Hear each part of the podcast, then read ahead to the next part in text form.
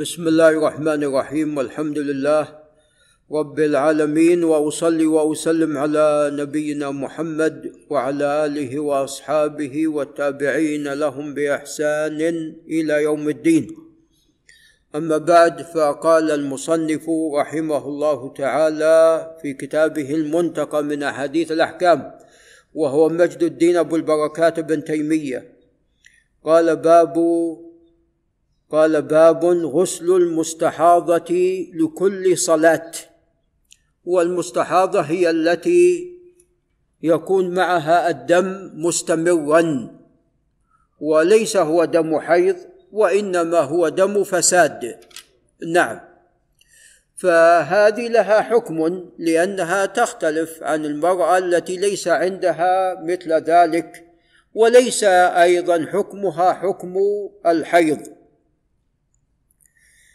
فلذا المصنف عقد هذه الترجمة لهذه المسألة والمستحاضة الواجب عليها أنها تغتسل إذا انتهى الحيض وانقطع الحيض.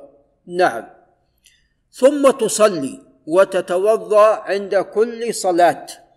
وذهب بعض أهل العلم إلى أنها يحق لها أن تجمع ما بين الصلاتين وذلك لدفع المشقة عنها. وأما اغتسالها لكل صلاة فهذا لم يثبت في الأحاديث المرفوعة.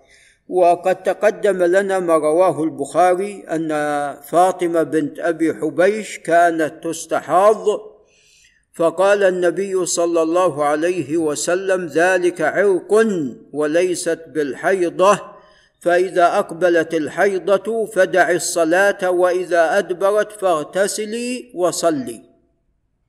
إذا أدبرت الحيضة اغتسلي انتهى الحيض انت إن كانت مميزة تعمل بتمييزها على القول الراجح وإلا إن كان لها عادة فتعمل بهذه العادة عادتها سبعة أيام مثلا فإذا انتهت هذه الأيام السبعة فإنها تغتسل وتصلي.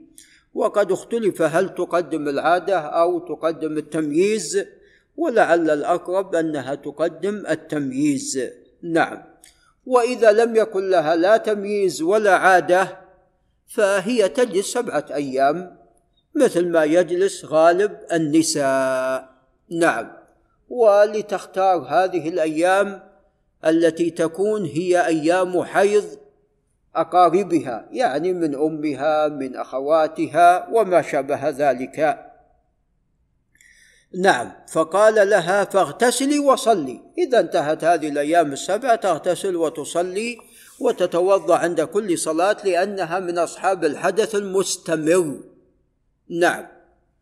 فخروج هذا الدم من الفرج ينقض الوضوء وطبعا تغسل عنها الدم. قال عن عائشة رضي الله عنها قالت استحيضت زينب بنت جحش فقال لها النبي صلى الله عليه وسلم اغتسلي لكل صلاة. رواه أبو داود وهذا لا يصح.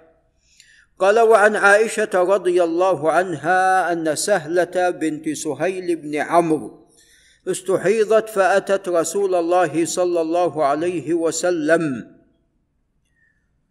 فسألته عن ذلك فأمرها بالغسل عند كل صلاة. فلما جهدها ذلك أمرها أن تجمع بين الظهر والعصر بغسل والمغرب والعشاء بغسل والصبح بغسل. يعني هذه ثلاثة ماذا؟ أغسال في اليوم الواحد. هذه ثلاثة أغسال في اليوم الواحد. وهذا مشقة. وين مصطفى الصعيدي يا جماعة؟ مشقة هذه ولا مو مشقة؟ مشقة. يعني خاصة يعني ليس الأمر مثل ما عندنا الآن. تفتح الدش وتصب عليك الماء. نعم. فهي تغتسل كل يوم ثلاث مرات. فهذه مشقة. ولذا هذا الحديث إسناده ليس بالقوي. هذا الحديث إسناده ليس بالقوي. قال رواه أحمد وأبو داود وهو حجة في الجمع للمرض. فالجمع للمرض هذا مشروع وعندنا حديث في الصحيحين أن الرسول صلى الله عليه وسلم جمع في المدينة من غير خوف ولا سفر وفي رواية ولا مطر. نعم وهذه رواية في مسلم والحديث في الصحيحين. فسئل ابن عباس قال أراد أن لا يحرج أمته. فمن ذلك الجمع من أجل المرض ولا أيضا لعل الشيخ أحمد ينتبه الجمع من أجل المرض ما ثبت في حديث. نصا. نعم. وإنما يكفينا حديث ابن عباس المذكور اللي ذكرته قبل قليل وهو متفق عليه. قال أراد لا يحرج أمته. فالمريض إذا شق عليه يجمع بين الصلاتين. قال وعن عروة بن الزبير عن أسماء بنت عميس عروة بن الزبير بن العوام وهو من التابعين. عن أسماء بنت عميس الخثعمية رضي الله عنها قالت قلت يا رسول الله إن فاطمة بنت بنت أبي حبيش استحيضت منذ كذا وكذا فلم تصلي. فقال الرسول صلى الله عليه وسلم هذا من الشيطان. أي هذه الاستحاضة لتجلس في مركا وهو حوض. فإذا رأت صفرة فوق الماء فلتغتسل. صفرة يعني انقطع الحيض لأن دم الحيض دم أسود غليظ.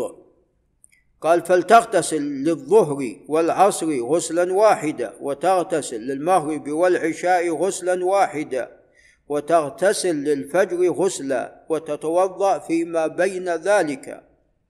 نعم وهذا أيضا الخبر إسناده ليس بالقوي ويكفينا الحديث الذي رواه البخاري وتقدم قبل قليل. قال رواه أبو داود وكما ذكرت إسناده ليس بالقوي ولعل نقف عند هنا.